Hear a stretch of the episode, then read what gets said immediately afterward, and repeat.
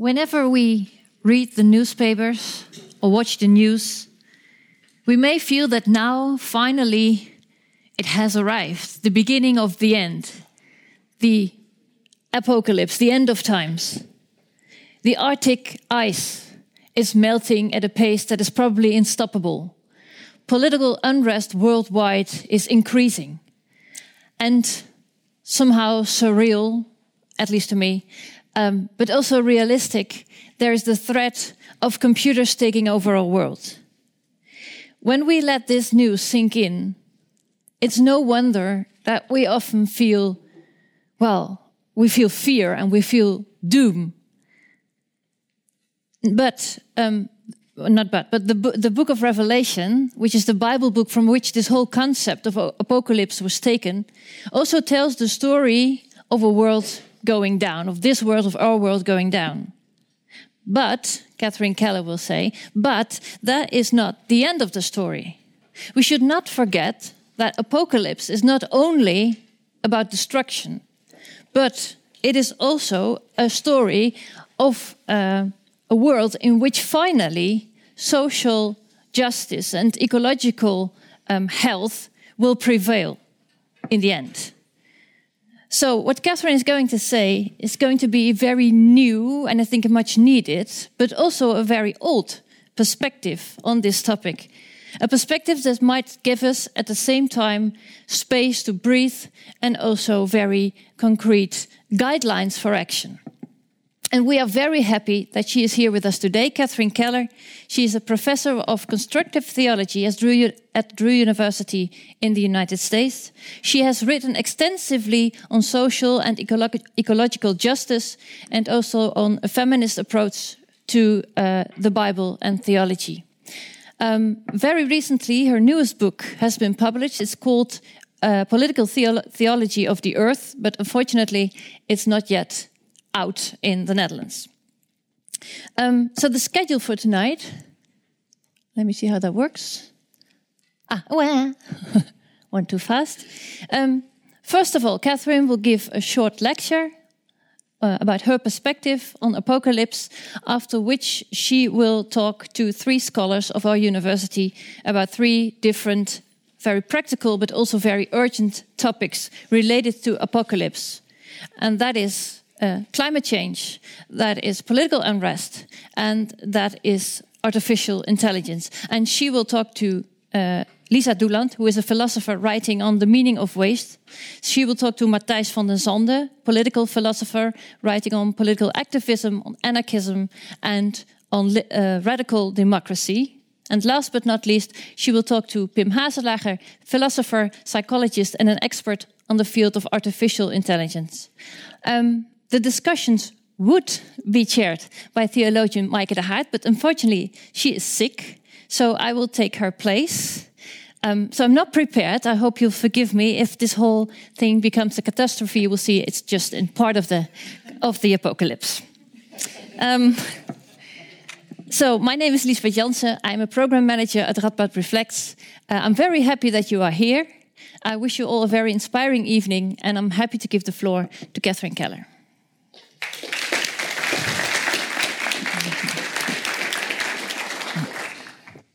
Well, thank you, Lisbeth, for this beautiful invitation, and thank Nijmegen for this beautiful day. Uh, and thank you for showing up here on a day like today for a lecture with this title. of course, you might have thought, you know, anyone from the United States should be feeling apocalyptic. But still, most of us, American or not, do not want to think about apocalypse most of the time whether in the form of the last book of the Bible or of the secularized metaphor. Christian or not, we usually don't spend much time with the book of Revelation, the biblical apocalypse, unless, of course, we are fundamentalists. It was the growing secular prominence of the metaphor of apocalypse that roped me back into interpretation of that last biblical book. And the primary secularized talk of apocalypse comes these days, as Lisbeth has foreshadowed, in relation to climate change. Now, I had gotten into the book of Revelation way back in the last millennium when I wrote Apocalypse Now and Then, a feminist approach to the end of the world. You can hear how that title relativizes the dangerous absolute of apocalypse coming now. It was the reactionary use of the apocalypse story by U.S. Christian fundamentalism that first got me involved the religio-political right made possible the presidency of Ronald Reagan, who was enthralled with the end time Christian Protestantism. And he was on the record as president saying he expected the end of the world by thermonuclear exchange uh, before his death. And he was pretty old. so this is not what you want to hear from the guy who has the nuclear codes. And I saw U.S. liberal Christianity mostly just ignoring the problem and simply dismissing the book of Revelation, which is also what Martin Luther had done, claiming it shouldn't have been put in the Bible in the first place. Well, that may be true, but I thought that Revelation, with all of its absolute dualistic good evil opposition, its messianic warrior, and its misogynist imagery, needed nonetheless to be faced, confronted, both as a text and as a very strong and often hidden influence in history. This involved recognizing that not just reactionaries, but also all of the revolutionary movements, democratic or socialist, of Western history, drew on its imagery of final struggle against evil, of the millennium, and the New Jerusalem. All of them, as Ernst Bloch tracks for a couple of thousand pages. They drew on it as inspiration for struggles for justice, equality, even for women's emancipation. But I hoped not to work on the apocalypse ever again. It was a new millennium. But here I am talking apocalypse again. And I want you to know that I was thinking of writing another book on it, this one called Apocalypse After All, question mark, before the 2016 election. Really. It was climate change that first caused me to write apocalypse, begin to think of writing apocalypse after all, question mark, and the question mark is really important, isn't it? And so is the meaning of the word apocalypse. It comes from the Greek verb apokalypto, not meaning I dance the calypso, but I unveil, I disclose, I reveal. So the noun apocalypse cannot be rightly translated the end of the world or doomsday. It is not about the closure but about disclosure, opening. The Dutch word openbaring, am I pronouncing that? Right? Openbaring reveals this. Indeed, there is nowhere in the Bible a literal end of the world. That's a later invention. There are in the prophetic literature of both testaments great catastrophes but catastrophe serves as catalyst to radical new beginnings in those texts new creation, new heaven and earth, new Jerusalem.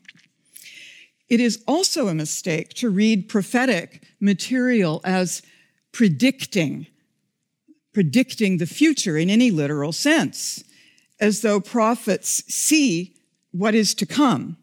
No, it doesn't exist to be seen. But they may be reading deep patterns of their present world order, patterns that are so entrenched that they will spiral dangerously through time and have violent consequences for the human and the non-human orders. It is the Hebrew prophets, Jeremiah, Isaiah, Ezekiel, Nehemiah, Ezra, who shape the vision of John of Patmos, the author of the New Testament Apocalypse. And don't ever confuse that John of Patmos with the author of the Gospel of John. And it is from the Jewish prophetic heritage that the idea of collective hope arises as well. But this hope is always as a response to collective trauma. Still, when we use the language of apocalypse now, uh, we don't mean hope. We mean end things, close down of history, doom. And this meaning has taken on new secular urgency as it becomes increasingly clear that we have crossed a point of no return with the climate. Just as I was landing in Amsterdam Monday afternoon, a United Nations report was released, right? And it now gives us just 12 years to make dramatic changes in fossil fuel consumption or face very soon then already the extreme effects that they say that 1.5 degrees Celsius will bring in terms of drowned coastlines, wildfires, droughts, extreme poverty. Uh, not then at the later two degrees that the Paris Accord is based on. The United Nations report asks for changes then on a scale and a speed that it admits has no documented historic precedent. So, no wonder we read of climate apocalypse. I mean, I have to say, five minutes before I got in the cab to take part in this evening, I got a an email from a student of mine who knew what I was doing here. And she said, Oh, Barbara Kingsolver, a great environmental novelist, has just written a piece for the New York Times saying it with the title, It Feels as though the world were, li- it feels as though we're living in the end of the world. So it's around. We read of the insect Armageddon based on German research a popular book about the Anthropocene among college students in the States is titled, We Are Doomed, Now What? Often the apocalyptic rhetoric is meant responsibly, not as announcing inevitable final doom and therefore rendering struggles for eco-social justice irrelevant. No. Take, for instance, a fine recent example of the new genre of literature called climate fiction. I call it cli-fi. It is Kim Robinson's New York 2140. I take it personally. I live in New York. I will read one passage where a character reflects ironically upon the available vocabulary. He is commenting upon the economic causes of the troubles of 2140 and upon two pulses of catastrophic coastal flooding. Never, he says, had so much been done to so many by so few. The few, at most 1%, who relentlessly funded and forced climate denial for the sake of their carbon driven hyper profits. And he continues, all that happened very quickly in the very last years of the 21st century. Apocalyptic, Armageddonesque, pick your adjective of choice. Anthropogenic could be one, extinctional another, Anthropogenic mass extinction event, the term often used. End of an era. Geologically speaking, it might rather be the end of an age, period, epoch, or eon, but that can't be decided until it has run its full course. So the common phrase, end of an era, is acceptable for the next billion or so years. Okay, end of that character. In the meantime, we may find ourselves also struggling to name the unspeakable apocalyptic, not surprisingly, does head the list of adjectives. Global warming, however, is simply not the end of the world. It might be, however, the end of many worlds, but the earth persists beyond it. However, in a condition of the extinctions of endless fellow species and in the systemic interhuman violence that enormous climate migrations and desperations are going to provoke. We're already having great hostility towards immigrants, and the climate migrations have barely begun. There remains, however, the chance that awakening to this future will cause us to avert the worst forms of it. That possibility is, of course, being poisoned by my country's political economy and its now official climate change denialism. That the primary symptom has the name Trump, a verb to trump that means to get the better of the other, to win, is a little spooky. That it also associates in Old English with the trump of doom. That's Old English for the trumpet of the apocalypse. This could make me superstitious. I will resist. But the trump is blaring loudly as a symptom of a complex, deep in United States history, wound round our white supremacism, its aggressive misogyny, and its capitalist exploitation of the earth. But the symptom has even deeper causes.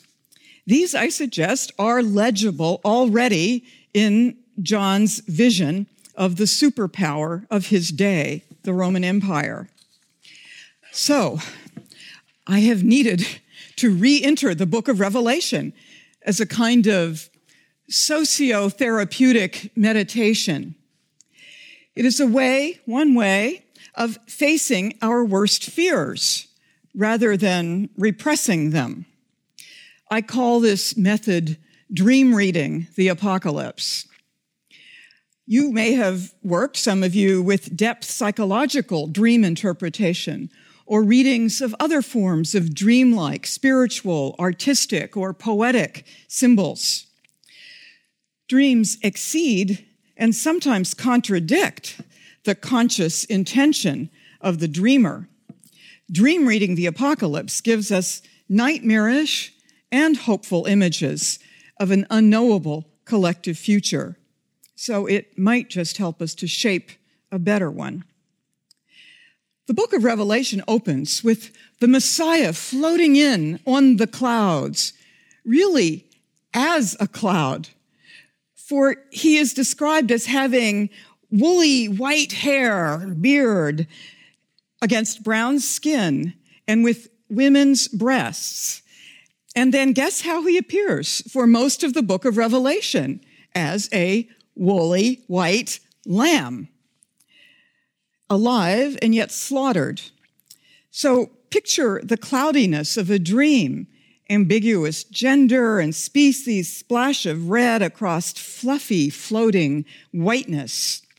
So let me share with you more of the cloudy signs, as I cloud them up anyway. A next scene.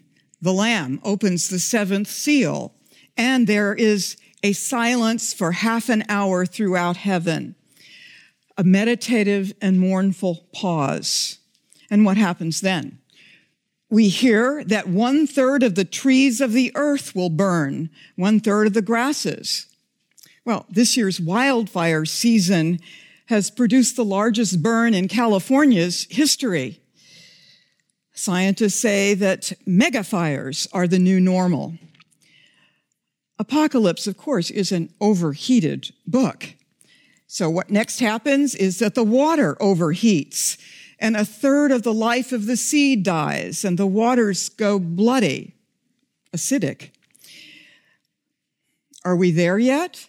In the past 30 years, the earth has lost more than 30% of its coral reefs upon which all the life of the sea depends.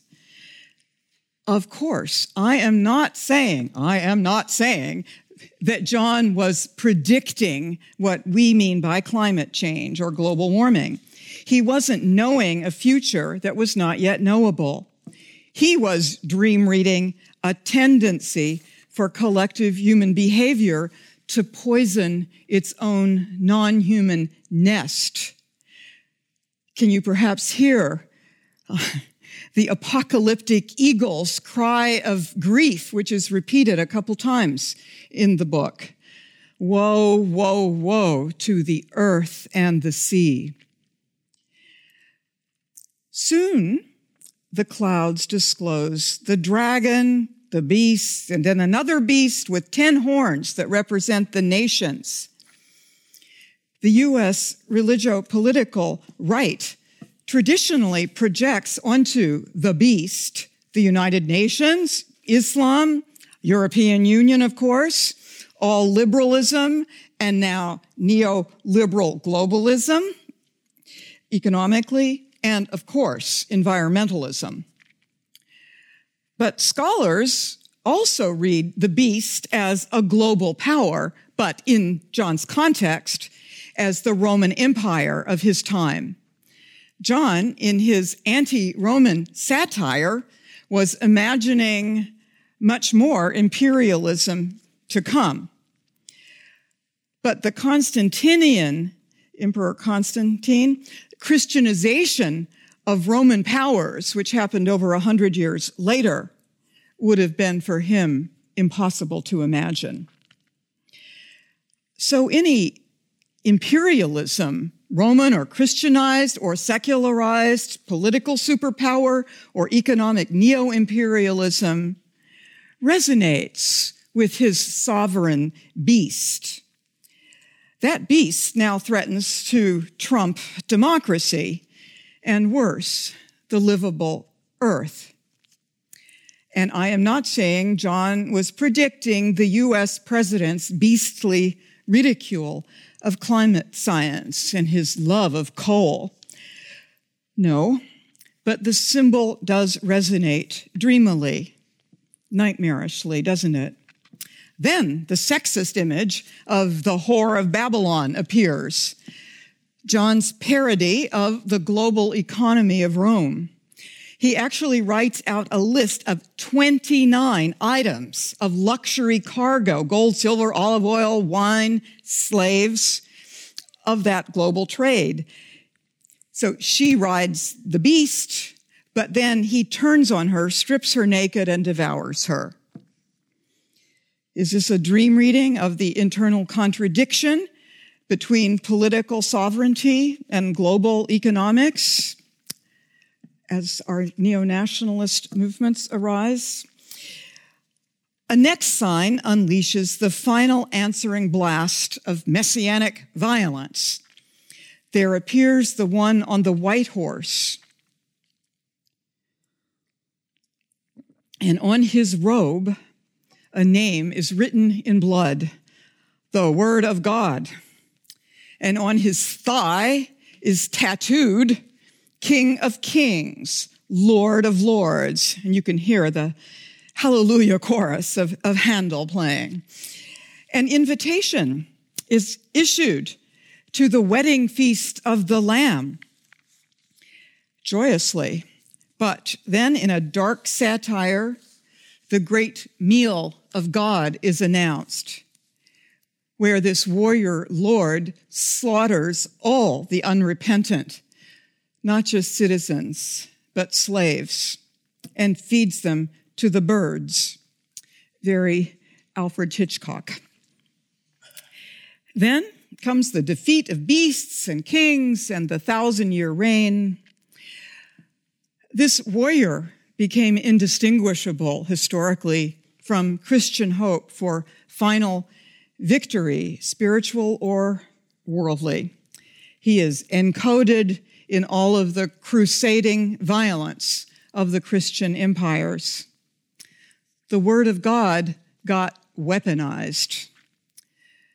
A strange, tragic internal contradiction to the Lamb. So to dream read Apocalypse means also to disarm it. At the end of the book, not of the world, the disarming Lamb is back New Jerusalem descends as his bride. We read that the nations will walk by its light. The kings of the earth will bring their glory into it. In other words, it's still this world, uh, this material world with its multinationality. But now the leaves of the tree are for the healing of the nations, not for their destruction. And it's written, let anyone who wishes take the water of life as a gift. I passed by Nijmegen's fountain. The, the water is fountain, hmm. the water of life. Here, a city centered around the tree of life and free, clean water. Well, this will have new meaning in a climate changed future. Then, after all, the coming down of the New Jerusalem, wrapped in a renewed earth and atmosphere, heaven. It is a vision of a rehydrated world, makes me thirsty, of social justice and environmental health. The coming down can be read as, read as a supernatural heaven or as, oh, go ahead and waste the world, folks. God will make you a new one. But if you read it in its prophetic context, it signifies a down to earth utopia in which God is radically now immanent. So utopia does not mean perfect, but literally good place, or its first meaning, no place. The vision is of a dreamy possibility, an alternative inviting us to materialize a better world against the odds. One actualizes it through collective action, like facets of the gems that decorate the walls of this sparkling dream city. I dream read the New Jerusalem to mean that whenever and wherever a social advance towards more justice, more sustainability, and more beauty is accomplished, a facet of this utopia crystallizes. So, for instance, this summer I read the news that in June it was, yes, today seven Dutch political parties present a highly ambitious climate law.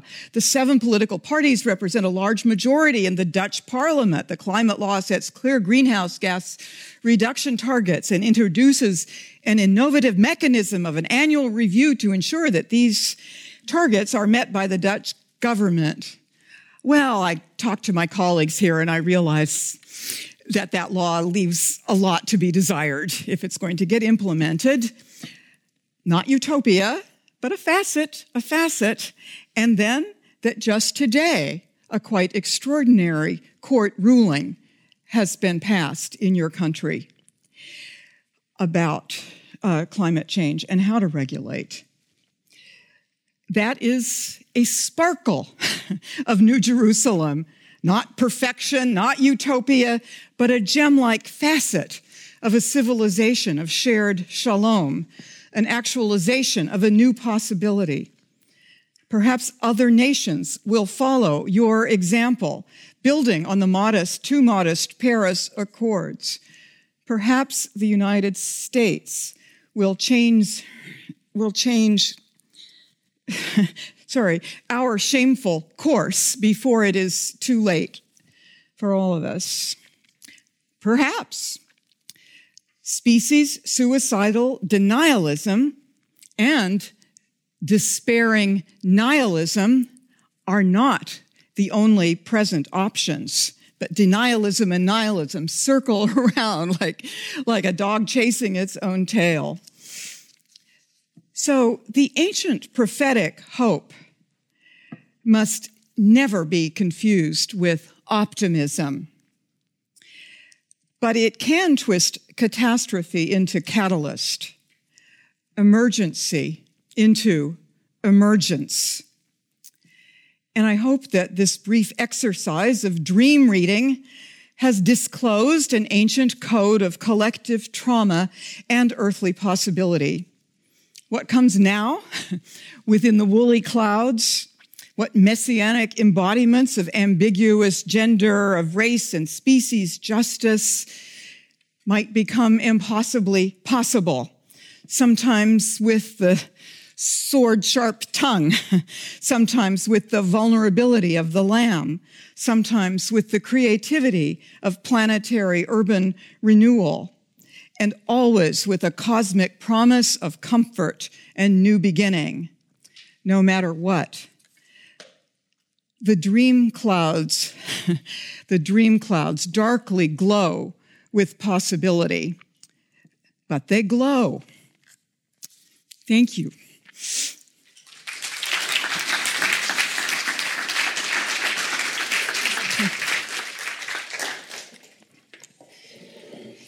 Thanks a lot, Catherine, for your lecture. I think it gave a lot of information and a lot of a lot of well food for thought. Welcome, Lisa. Thank you. Um, I've asked the three of you to pick a video fragment um, that you say, okay, this is for me a very good example of how apocalypse plays a role in my field of expertise. So let's just uh, look at it. You've chosen yeah. a fragment from the documentary How to Let Go of the World and Love All the Things Climate Can't Change. Exactly. Yeah. So there we go.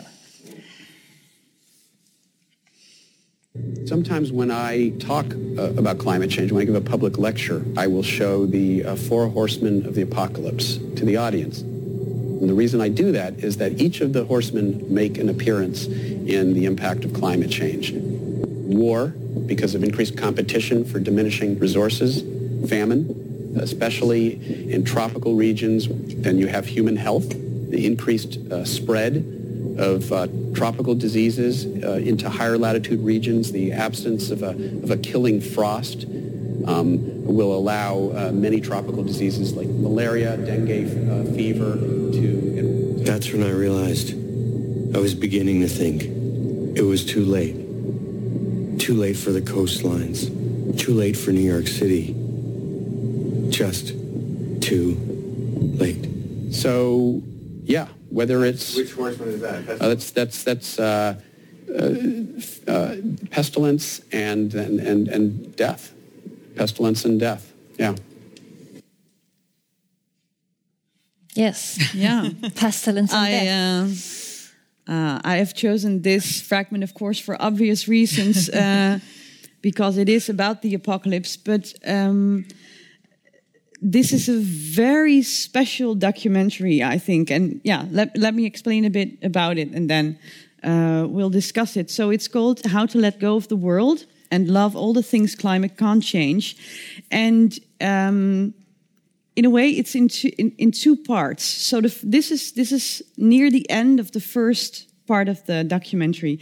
And um, what the documentary maker Josh Fox is doing is, is feeding us more information about what's going wrong. So ocean acidification, so we're losing the coastlines, water rising, etc. So it's, and then he's turning up the pace. And at one point he will say, "I'm overwhelmed. I'm getting overwhelmed." And um, this is near near the end, so so near the overwhelming part. Um, and then uh, maybe we get into it later on. He he asks. He he lies in the snow like some snow angel, and um, he asks. So so why don't we just let go? And he lets go lets go of a drone with a camera in it, and we see him getting smaller and smaller and smaller, very insignificant, really. So so he asks. So yeah, well, who am I? I cannot do anything. I'm so fragile. I, I, yeah, it's it's too late. Why, why don't we stop? And um, but then, so what, what, does letting go of the world mean? Mm-hmm. And I think that what he says with this is we should let go of a concept of the world in the in a big sense, like the world of man, like the world of pl- as planet Earth as a whole, and then in the second part of the documentary, um, he delves into all these little worlds that uh, people are fighting for. So, yeah, people who are fighting for um, changing climate change in their the places they're living.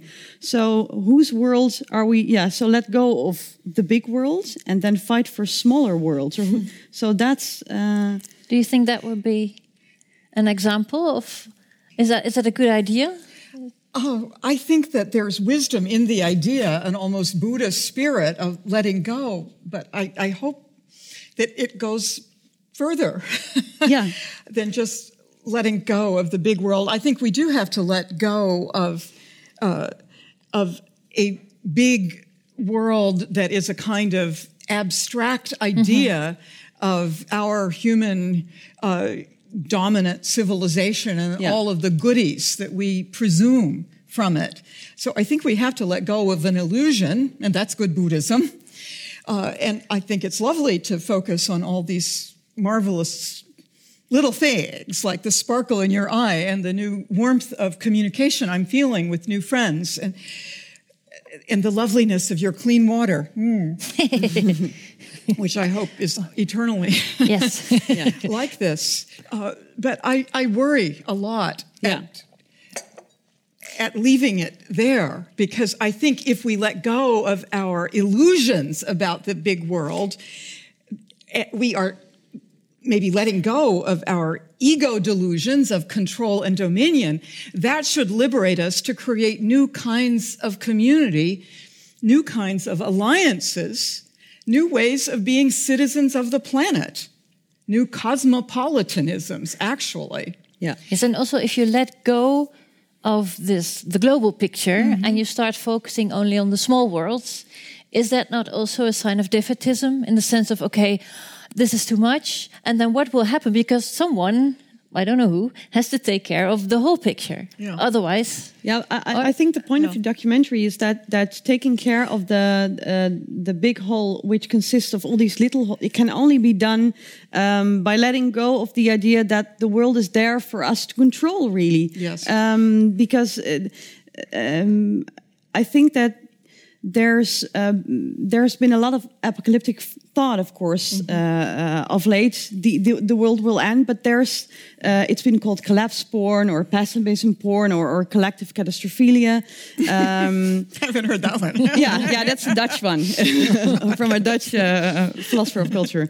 Um, but th- there seems to be an illusion of, of control and of clarity that it offers, a, a clarity that you find maybe in the, the thought about the apocalypse itself. So then after, so there's a clear end and a clear, there's a new beginning. So yeah, and what I think this documentary shows that the future is not is not going to be clear. So in in collapse porn, you might think. Um, uh, at least I know how the world's going to end. So it's all going to shit, but I know exactly how, and then I get control back. But what he suggests, I think, is that the future gets a bit more messy and unclear. And um, uh, yeah, do you think that's one of the main problems that we try to keep control over things that we don't have control of? And should we let it go then?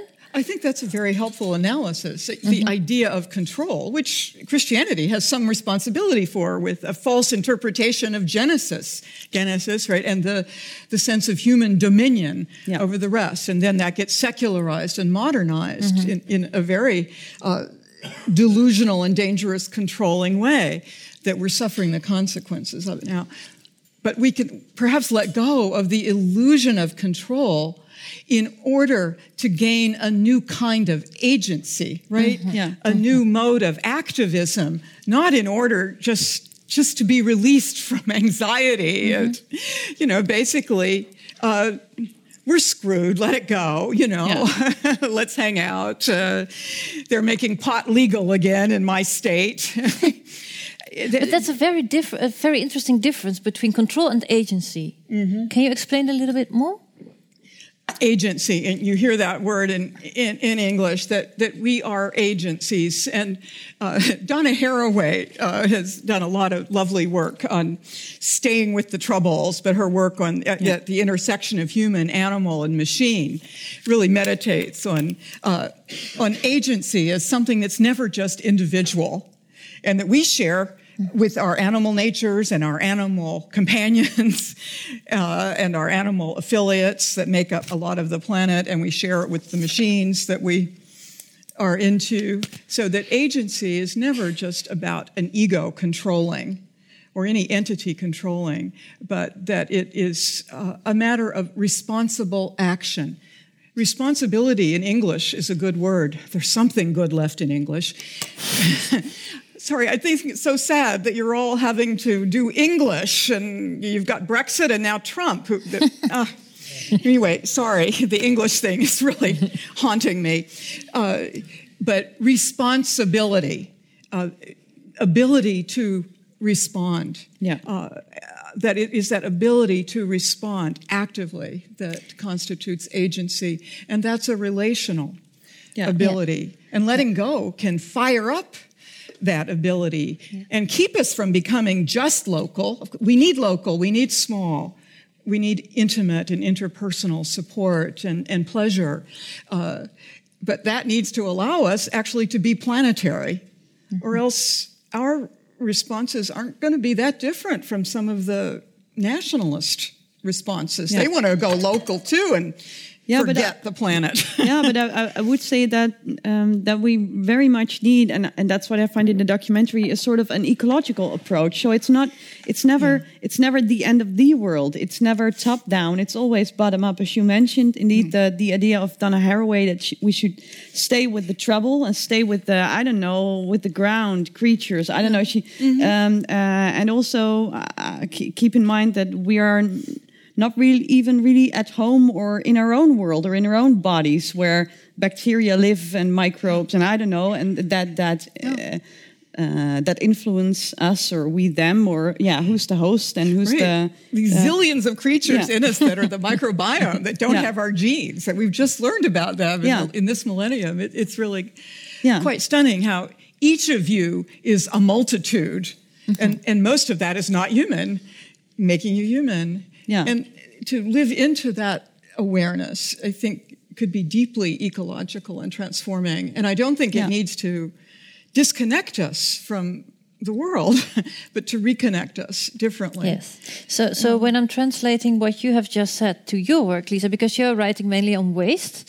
So if if you say, um, uh, Catherine, that we should let go of the whole, or trying to let go of trying to control the the global picture in order to regain a sense of uh, agency of responsibility uh, for the the smaller worlds that might give us new energy. Yeah. How could you um, project that project that on your own work? How could we deal different with waste in order to not feel completely overwhelmed and say, okay, let's give it up. I don't know where to start.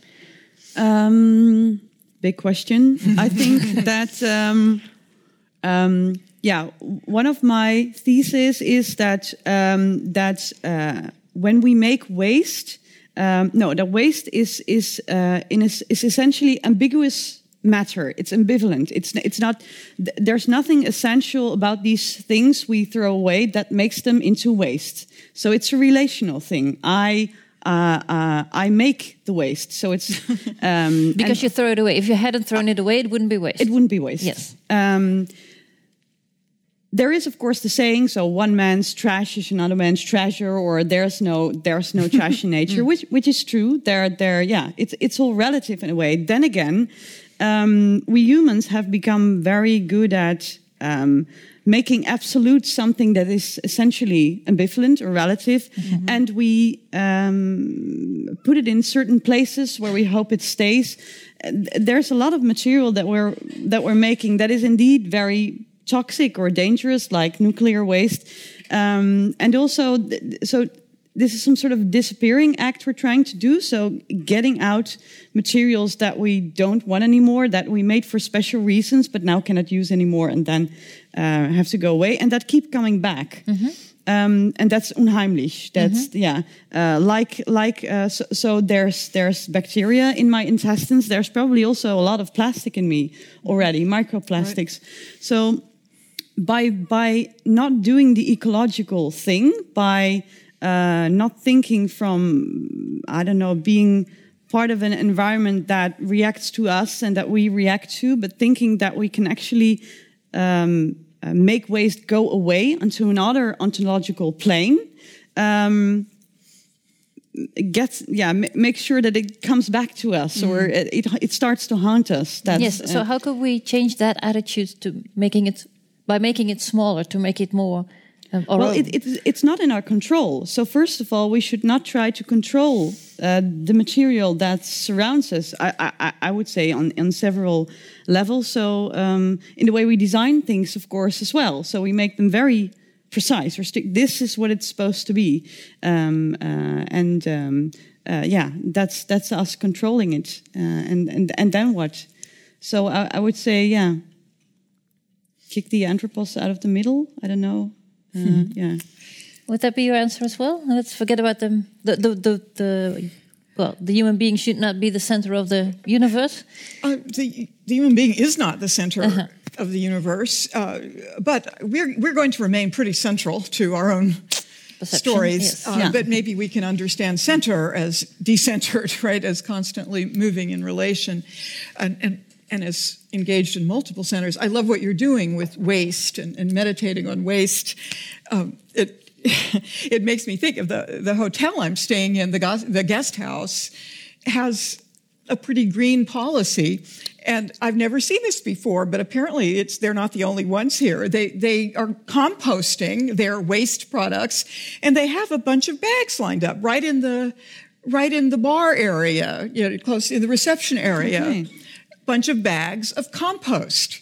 You mean one for, for plastic, one take. for rest, one for paper? No, like no, no. Oh. They're bags of. They have composted the waste products from their restaurant. Oh. Uh, they have composted it uh-huh. so that it is now good for use in gardens. Okay. And they've put that compost uh-huh, into bags for people to take freely. Yeah. Uh-huh. The, the compost. Well, what a marvelous uh, but strong choice that is symbolically and practically of of using waste as, as compost productively. And of course, it's a model of what we want to do. And since you're working on waste, sometime you want to look at this poem by Walt Whitman called This Compost. Okay. And I couldn't remember much of it now, you know, but just something about it. The earth grows such sweet things uh, out of such corruption, and it gives back divine materializations out of, out of such toxic leavings. Anyway, it's the middle of the 19th century, and it's a long poem about his shock at, all, at how the earth manages to compost all of the toxicity, all of the diseased bodies that, that we put in it to rot, and all of the garbage and everything, and yet he, you know, he can celebrate yeah. splashing with his naked body in this in this clean ocean, and and all this. It must have been a long time ago that he has written this. it was a long time ago. yeah. so. Right, right. Yeah, and of course, let's but not compost. forget the worms that that that make the compost. That make it. Of course, right. Uh, that that uh, I think Darwin, one of his last articles was on worms. Uh, yeah, really? That, yeah. So the very the, the lowly creatures, the, the lowly creatures, creatures, that we, we tend to avoid, and then we think we're so very special, but without the worms we would be nowhere. We just don't yeah. appreciate yeah. the services yeah. they're doing for us. yeah. So what do you think is the main apocalypse or the main sign of apocalypse maybe in our current climate change debate? And after that, I will go to you. So if you have any questions, or um, yeah, you want to think of any questions, please do it now so that you can just raise your hand in a second or two. I, am I'm, I'm, I'm still, I'm undecided about the apocalypse. Oh. Um, I don't know.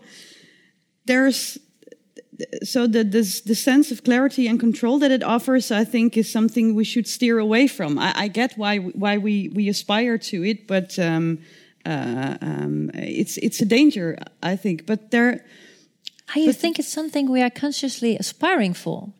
That is something we are sort of. Yes, because then we're certain. Ah, better to be certain of something terrible to happen yeah. than to be unsure. Yeah, but but of course you mentioned there's there's there's of course a disclosure also. There's disclosure in apocalypse, so maybe some sort of I, have I've coined that term once, but I still don't know what it means. That everyday apocalyptic Mm-hmm. apocalypse or i don't know or or an eye for the apocalyptic i don't i don't know exactly what that means but uh, I don't know, an eye for for things dis- disclosing. Uh, but maybe you know what I mean. Just, I, or what I get at. I'm just glad to be thinking together. I think the apocalypse as language and as influence uh, is not going away. So I just feel that one thing I can do because of my strange work as a theologian uh, you know, an archaic field, uh, but I, have been glad to be in it. But one thing I can do is just try to open up those images so that yeah. we have some uncertainty about what the apocalypse means. So we bring some clouds into it. Yeah. And, and that means showing that it's actually full of, of vision clouds itself, though the uses of it yeah. have, have been very certainty, certainty oriented, you know, and have this whole narrative of God having a very definite plan for yeah. history. And the more fundamentalist you are, the more certain it is. Yeah. Uh, because there is, yeah. So one more thing, there is the aspiration to change, or that the apocalypse changes us, or that that thinking about about the apocalypse does something good. I don't know. There's there's So hmm. you mentioned hope. So there's there's hope in it somewhere. So whereas the optimist, uh, I don't think you mentioned her, but Rebecca Solnit hmm. explains that fantastic in her Hope in the Dark. So there's Yes. optimism and pessimism. Both are quite sure about what's going to happen. So it's going to be all right, or it's going to all go shit. Mm-hmm. And then in the middle, there's hope. And I, I feel like apocalyptic thought and hope are they're they're yeah they're they're they're right there in the middle. Yep. Yeah. No, no, that's great. I love Solnit's book. Uh, and it's been very important to my students since the election, Hope in the Dark. But it was a theologian who, in the 40s, Karl Barth, said Christians are neither optimistic nor pessimistic. We are hopeful. and that, that I go with. Most of what Karl Barth wrote, I don't agree with, but that's, that was good. Yeah, yeah, In Solnit's tone of voice. Yes. yeah. yeah. Okay, we have to round up this discussion. Thanks a lot, Lisa, for joining us here. Mathijs, will you be the next guest? All right.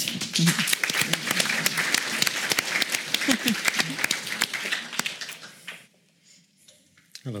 Hi. Hi, Mathijs. Welcome to the end of the world. Thank you. Thank you. As we know it. As we know. Um, you have chosen a fragment from, uh, well, at least about the Hurricane Katrina. Let's just have a look at it and then we'll discuss it. The damage is immense. In Mississippi, the hurricane has crushed coastal towns. Hundreds are feared dead. New Orleans lies in shambles. It is left without power, without drinking water. Many residents are stranded on rooftops, desperate to be rescued. Bodies float in the streets. Looting breaks out. Thousands make their way to the Superdome and Convention Center in hopes of being evacuated. The waters stop rising, but the city is in chaos. Looting and violence are so widespread that police are forced to stop rescue operations to combat the problem. Conditions at the Superdome and Convention Center are increasingly unsafe. People lack food, water, and basic sanitation. Yes, Mathijs, you have chosen this fragment to talk about hope. Why? It doesn't look hopeful at all, No. of course. Um, well, it's interesting. I mean, so this this this was a horrible disaster, of course, New Orleans in in, in, in 2005. Um, it has completely disrupted every aspect of, of social life or life in general in a city for uh, for, for years or for decades, even after that. Um, it also gave rise. A, a lot of books have been published in the wake of uh, Hurricane Katrina about um, about this disaster, but also about how this disaster was used by, for example, politicians, by policymakers, in different ways to uh, basically implement their own agenda. So, a very famous book uh, on the the aftermath, or that discusses um, uh, the aftermath of, of Hurricane Katrina, um, among other things, is Naomi Klein's uh, shock doctrine, which is about how basically this disaster was used by um, neoliberal policymakers, politicians to enforce an agenda of austerity and of privatization. So a lot of the social housing in New Orleans have been demolished since. Uh, there's been a massive process of gentrification, rich people moving to New Orleans, buying abandoned houses there. Um, uh, the, whole- the entire school system, uh, which used to be public to a large extent in the city, has been privatized since. So the, the disaster has been used as a pretext to uh, implement a, a radically different political agenda. that still doesn't sound very hopeful. That still doesn't sound very hopeful at all, indeed. Um, I mean, Hurricane Katrina is only one of the examples of disasters uh, uh, uh, that, that Naomi Klein gives in her book. But what's interesting is that there are also very different accounts of, for example, Hurricane Katrina and what happened after that. Uh, Rebecca Solnit, she's been mentioned before already, also wrote a book uh, that is called A Paradise Built in Hell, which is about the kind of communities that emerge after uh, catastrophes or during catastrophes, um, uh, during these kind of disasters. Um, uh, one of the examples that she gives in her book is, is, is uh, New Orleans after Katrina, but also uh, Manhattan after 9 11, for example. Uh, and she describes the kind of communities that emerge um, um, um, after or in the wake of a disaster when the, the, the normal uh, authorities are basically have left the scene and have no control over it. And so her claim is that actually in these situations, what we see is that people start to form new structures and networks of solidarity um, and start to um, kind of create an alternative society that in many ways resembles an alternative image of or an image of what society should be like according to them. Um, now, one of the examples of, in, in the case of uh, New Orleans that she gives is that of the Common Grounds Collective, which is an, an anarchist uh, uh, collective that was founded uh, in the wake of Hurricane Katrina in uh, one of the poorest neighborhoods in, in, New Orleans by a coalition of anarchists and former members of the uh, Black Panther Party, um, who started to basically provide the kind of relief, the kind of medical uh, uh, services, uh, food, stuff like that, that the authorities were not delivering at that moment, were not providing at that mm-hmm. moment. So her claim is disasters in many ways. Uh, she put well, well, how she phrased it disaster is also a utopia of hope it very often is also the kind of uh, uh, the kind of moment where people actually get an opportunity to experiment with a radical alternative and then to what anarchists like to call to prefigure a radical alternative uh, uh, in, in practice. What do you think? Can catastrophe also be a new, well, an, an opening, a disclosure for utopia? Uh, that's what my little bumper sticker wants to say that catastrophe is catalyst mm-hmm. or emergency provokes emergence. Mm-hmm. Uh, but we have to, I think, be ready to ride the, the waves of, of the storm with mm-hmm. some, some wisdom, some preparedness, some, some community so that this new community can emerge. But mm-hmm. those are great examples. And you know, Naomi Klein, the more she's gotten into mm-hmm. environmental issues, the more she's come around, right? In her amazing book, uh, This Changes Everything on Capitalism and Climate Change, she talks about a, a kind of positive mm-hmm. shock doctrine where she sees that um, climate shock mm-hmm. uh, can awaken people to a new awareness that our present global capitalist system uh, is uh, hurting the same people mm-hmm. that uh, that climate change is hurting, and that it's driven that climate change is driven uh, by that capitalism, and so that one can be awakened to an awareness both of the causes of the problem and new ways of living mm-hmm. in the wake of it. So I think it's very important. I mean, of course, we all hope that things will stay kind of like they are here in the Netherlands. I mean, I'd be happy if I can, you know, reti- retire and die with things kind of the way they are in Manhattan right now. I have a good life. The museum and the symphony is close by. I have friends. The Hudson is 20 meters down from from where I live. You live so on the 20th I, floor. Up, yes, right. and I'm uptown.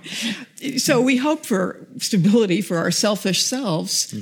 But it's good also to be working in this force field of preparation, realizing that whatever happens, there's the possibility that, that something really new mm-hmm. can, can come out of the crisis. Yes. Do you know what are these conditions that make this uh, possible? What makes what are the conditions that make possible that out of catastrophe emerges something positive too, at least too? Um, well, one of the things I think that's that's it's significant that the example of the the local anarchist initiative that I uh, mentioned before, um, that they're called a common ground collective. So one of the mm-hmm. one of the uh, preconditions I would say is the ability uh, to uh, to form coalitions in these kind of in these kind of uh, uh, situations, which is also precisely what indeed uh, Naomi Klein in her book on, on climate change, her, her more recent book, uh, that that's one of the that's one of her aims, right? To to basically give provide some kind of an agenda for coalition building among different groups that are somehow affected by a disaster. And I think in a lot of these examples of um, new initiatives that emerge in the wake of disasters, mm-hmm. uh, what you see is is people coming together with very different uh, experiences, very different, uh, uh, uh, coming from very different situations and with very different goals, uh, but who are basically forced by the situation to engage in this kind of in this kind of coalition building. So I think one of the one of the effects, but also of of, of catastrophe, but also one of the main. Uh, Sorry, our technician is. uh, what you see in in in in in, uh, in, in uh, these catastrophic uh, circumstances is that they um, they give rise to the kind of possibility to make these coalitions. At the same time, this is precisely this I think is precisely the reason why this radical alternative can emerge in a situation like that, because ba- people are basically forced by the situation to form new forms of solidarity that they never thought of, that they were that they, that were never possible before. Yes, because you also you also see a lot of violence and a lot of negative things. So what makes people uh, behave in either this or that way? Yeah, what's that? What's that difference? Uh, we can't just say it's it's the grace of God that won't do it, but it is it is that there there is some free agency at work, and sometimes it kicks in for the good, and sometimes it just goes down with the disaster. Yeah. I had another example too from New Orleans. I, I, feel very close to a former student of mine. I, part of my work has been training uh, Protestant clergy. Uh, so one of my students went to ta- was working in the in uh, in the area of New Orleans and went in and took responsibility for three uh, city churches that had been wiped out by Katrina. And he's been in, in regular touch with me uh, since then. And it's been wonderful to follow because they were very segregated churches. The same, they were all United Methodist, but, you know, two were all black and one was all white pretty much. Mm-hmm. And they had to choose, they could only ha- save one of the three buildings because the level of the disaster. Mm-hmm. So they had to choose which one. And then they formed a congregation together. And it's been so interesting that because of that catastrophe, there's been an overcoming of, of a deep kind of race and class prejudice uh, mm-hmm. that was just going on, you know, fairly unconsciously there. They weren't nasty racists, but those those borderlines just are so automatic so much of the time in the United States. So it's just a, another example of different kinds of coalitions that form. It's certainly a big problem with with U.S.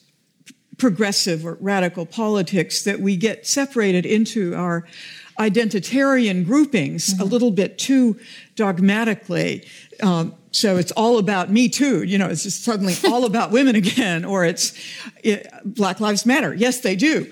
Uh, but then it becomes just all about race. That's the danger. I, th- these movements are crucial. I love them. I'm glad they have come about. But what's important is also that they keep intersecting so that our race issues, our gender issues, our LGBTQ struggles, and the environmental uh, catastrophe that threatens us all can be addressed together. That's an old African American feminist notion of uh, in- intersectionality from the late 60s. I, I think it's a beautiful concept to keep our different issues and concerns intersecting uh, so that these stronger coalitions can emerge and What do you think is the main apocalyptical threat in politics right now? the main apocalyptical threat at this moment in politics. Wow. I, I would I mean I, I would say the, the, the emergence of, of well it's not apocalyptic perhaps but the most worrying Yes. the emergence of an extreme right uh, in, in, in both in, in Europe uh, uh, in, in North America but also I mean uh, I mean this week uh, for example in Brazil we've seen an example as well so it's it's it's actually it's a uh, it's it's a global thing now what's interesting about this is that it's very hard to um, to um, re, how to say it, retrace this to a particular kind of origin or a particular kind of reason because it, I mean it emerges in very very different contexts in very different countries, uh, very different situations, also economically, etc. Um, but somehow we see it emerging. Uh, well, not everywhere, perhaps, but in, in significant parts of the world, every, uh, around the world. Um, so I would say that, uh, funnily, uh, uh, nothing is more internationalist at this moment than uh, a nationalist agenda for some reason, or an extreme nationalist agenda. So I would say there's there's there's definitely a, a, a political threat there. And, and, how does that relate to you? The thing you've just described, these mm -hmm. small, uh, local, uh, community-based uh, forms of of living right. together after catastrophes. Well, in a way, I mean, it's, there is a relation because I think that this emergence of the of of a nationalist or an extreme nationalist agenda can be uh, an, an opportunity or a reason or can a necessity really for people mm -hmm. to engage in coalition building uh, from different kind of perspectives and different kind of uh, experiences. Um, uh, it, it's not a natural disaster, uh, but it can be enough of a disaster for a lot of people mm -hmm. to mm-hmm. engage in that kind of uh, coalition building. Um, so in that sense, there is a there's a clear relation. I don't think, by the way, that um, what's significant about, for example, the kind of alternatives that emerged in in, in uh, New Orleans. Uh, that the, the significance of this is that it's local because it doesn't have to be local, doesn't have to remain local as well. We've mm -hmm. seen in just a few years ago, um, in 2011, uh, when for a, for a short while it, it, seemed, it appeared to all of us that the world was changing uh, for the better. Uh, we saw protest movements emerging everywhere in the world, and they all referred to each other as a source of, of inspiration mm-hmm. as well. So we, we, have seen something there, a possibility of, of, of, contestation, of protest that was not local at all mm-hmm. at, at, in, mm-hmm. in, some way. I'm not saying that it was a global movement mm-hmm. because it wasn't, but there was a global dimension to it. Um, so I don't think what's, what makes this significant is that it's local, no. but what makes it significant is that people are forced to team up and to to to to to uh, to create a shared agenda, to create a common ground. Yeah. Do you think that's? I, I certainly agree. I've been thinking of the you know the unnatural disaster that uh, Trump's election represents. Uh, and what it catalyzed. It, it, was very powerful that the day after his inauguration, the women's marches were not only enormous throughout the United States, but throughout the world. Mm-hmm. I mean, just even, even, in Seoul, Korea, thousands of people marched. And of course, at the women's marches, uh, we're, we're full of men. And mm-hmm. uh, so there's, again, it's, that's not a solid and lasting global movement, but it, it demonstrates that potentiality, mm-hmm. which we are learning to work with, partly, I, I guess, through media, uh, so that there can be very quick communication that allows a, a, a mobilization. So mm-hmm. I, think it's very hopeful.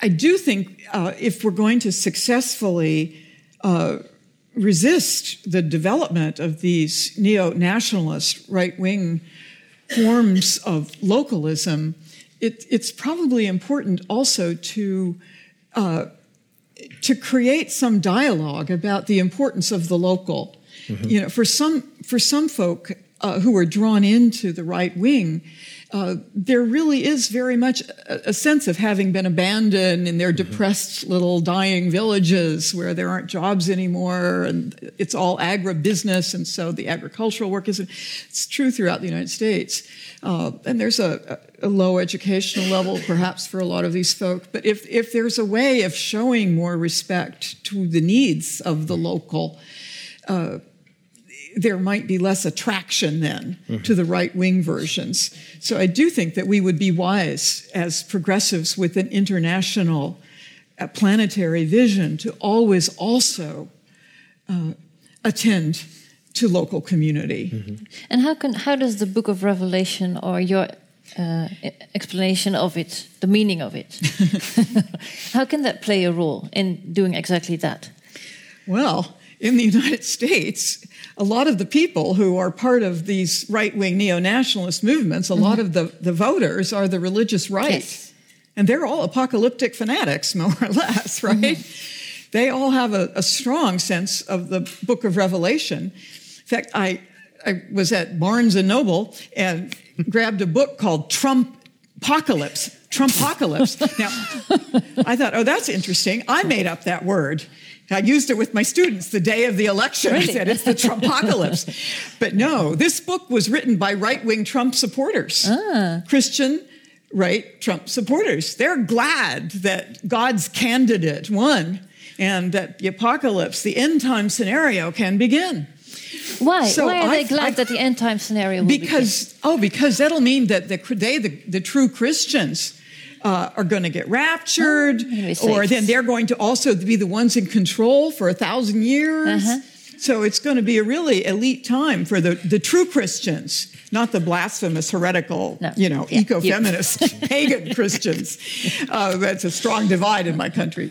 So uh, for me, as a person working uh, with some influence on the churches, not on the fundamentalist churches, but on the the left-wing evangelical churches. I do have influence now, but for me, it's become important to offer different interpretations mm-hmm. of the apocalypse.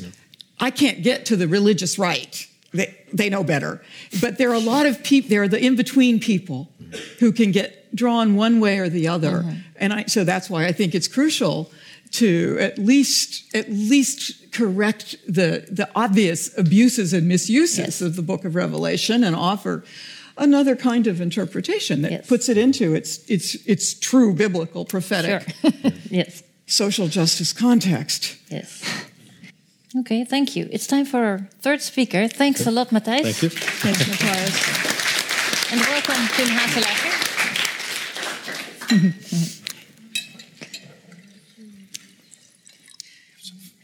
yeah. Which, let me give you a clean glass. This one, for example, I think. Thank you. You're welcome. Well, you have chosen a fragment from a film I think we all know. Let's have a look before Shall I- you. sh- Before, yeah, what? Shall I explain it maybe for the young viewers that weren't born when the movie appeared? Because this was audience. it's a movie from 1991. It's Terminator 2. you see, everybody knows Oh, it. y- yeah, you know it. Okay, well in that case, uh, enjoy. You can explain later. All right. I need to know how Skynet gets built. Who's responsible? Is it man loud most enough? directly responsible is Miles Bennett Dyson. Who is that? Can it be the louder? director of special projects at Cyberdyne Systems Corporation. Why him? In a few months, he creates a revolutionary type of microprocessor.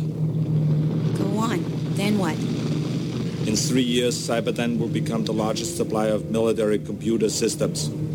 All stealth bombers are upgraded with Cyberdyne computers, becoming fully unmanned. Afterwards, they fly with a perfect operational record.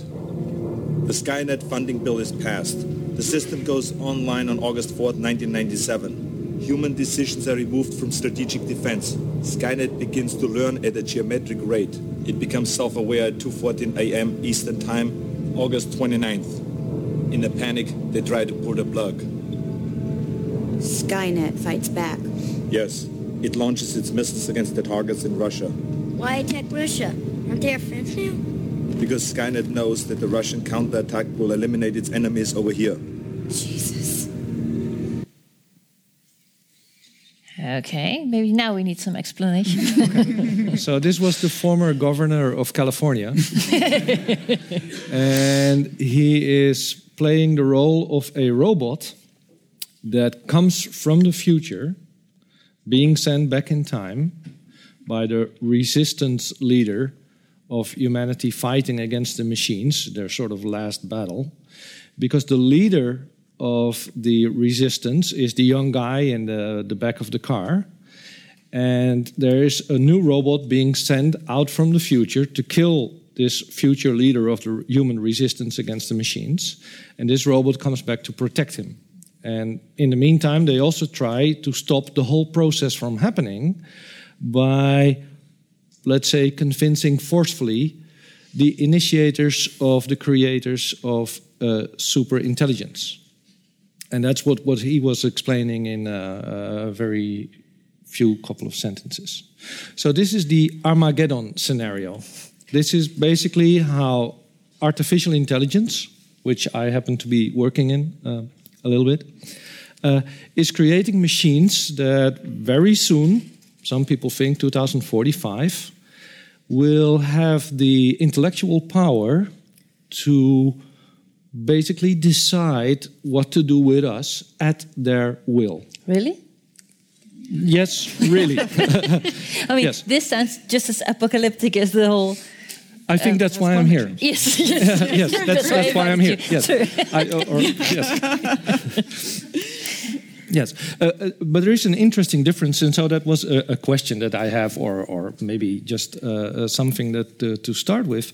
Um, so when we talk, for instance, about um, ecological disasters, then normally this is not something that we actively pursue. It's something that happens to us because we're lazy, we're careless, we're greedy, we, we want to stick to luxurious lives. And the disaster in the environment sort of happens because of our lack of interest.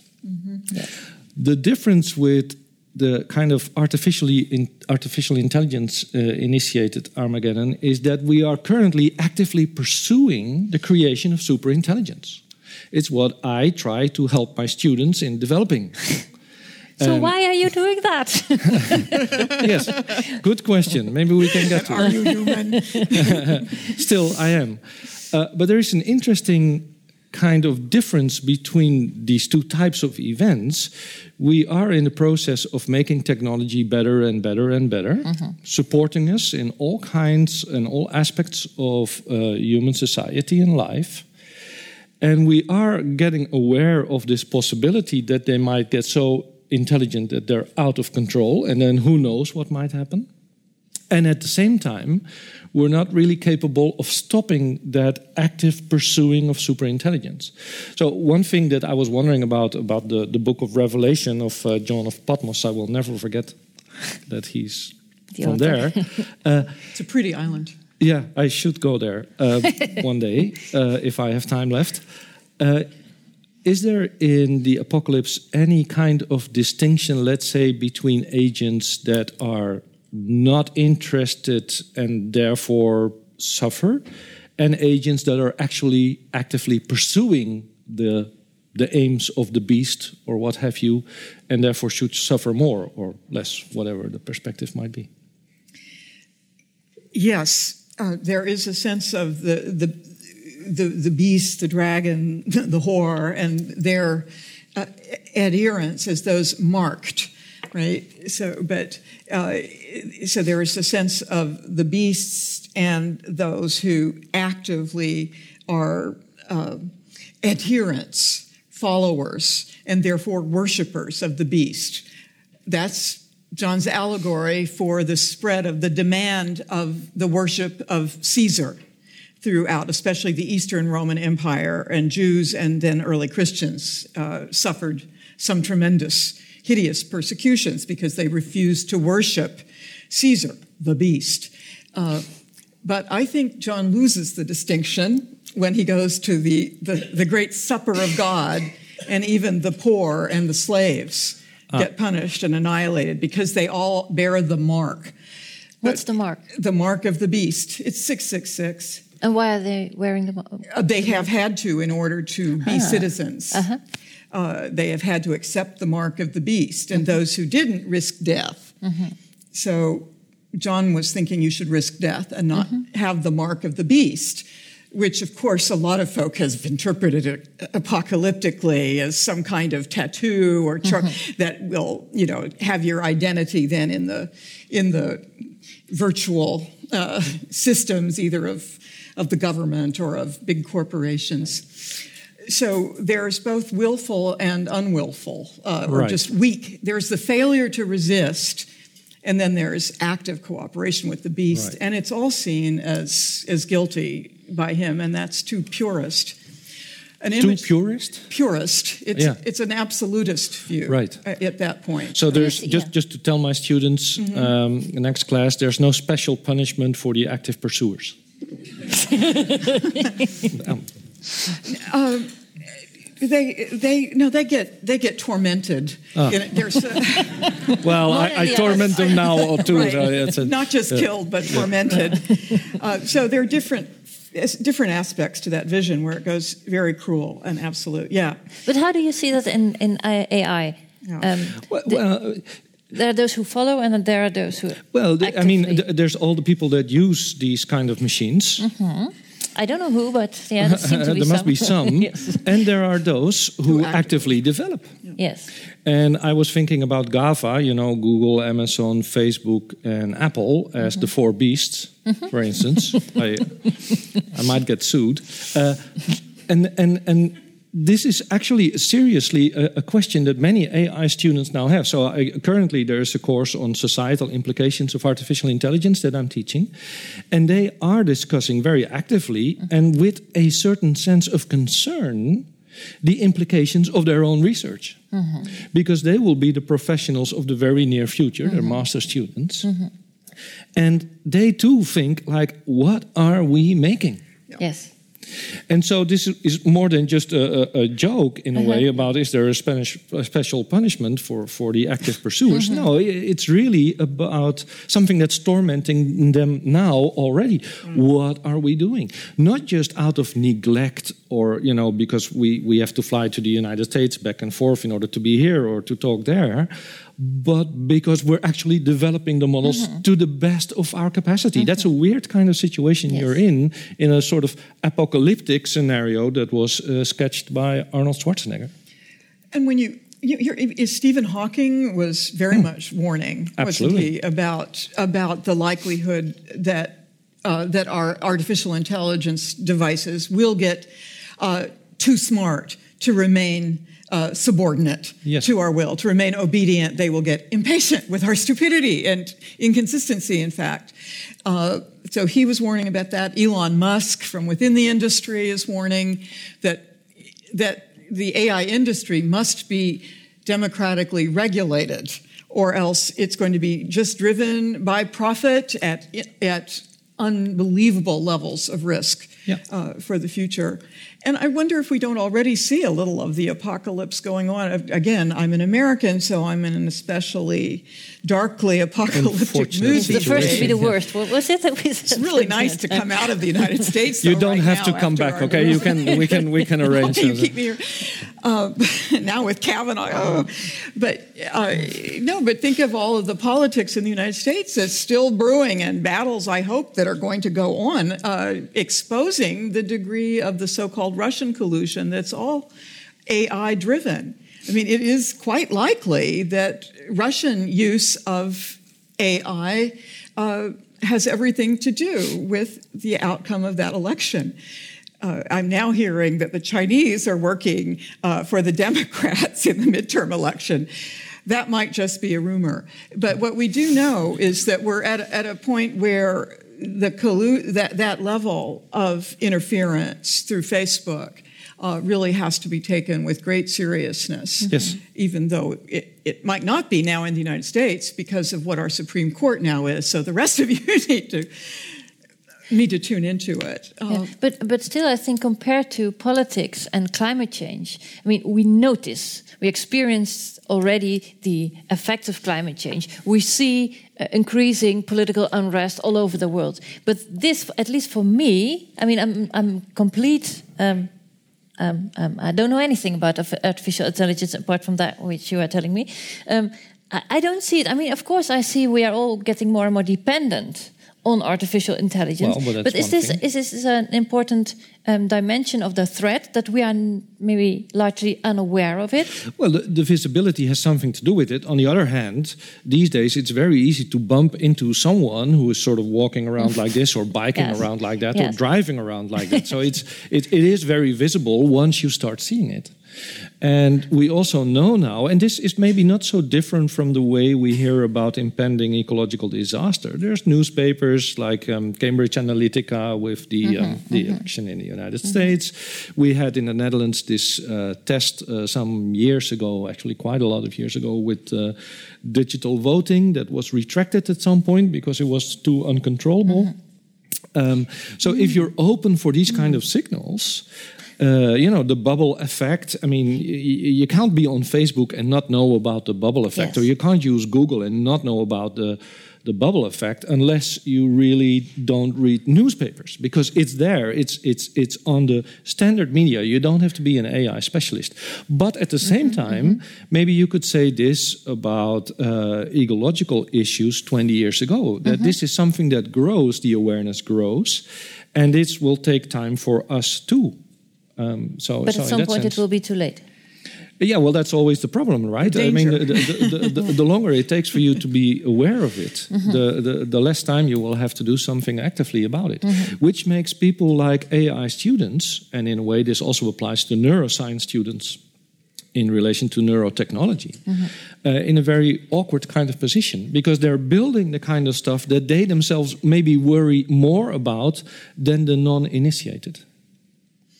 Yes. And there is great moral uh, bivalency. The same arguments about the the increasing uh, genius of AI and its danger can be made to say there is great good increasingly that can be done also. Yes, of AI. course, and, uh, you know. and, that's actually very interesting. There was another topic that I, I, I, I very much wanted to hear your opinion about, and that's transhumanism. So there are also people that say by the increasing intelligence of the technology that we're building, we will be able to have uh, super intelligent medical research.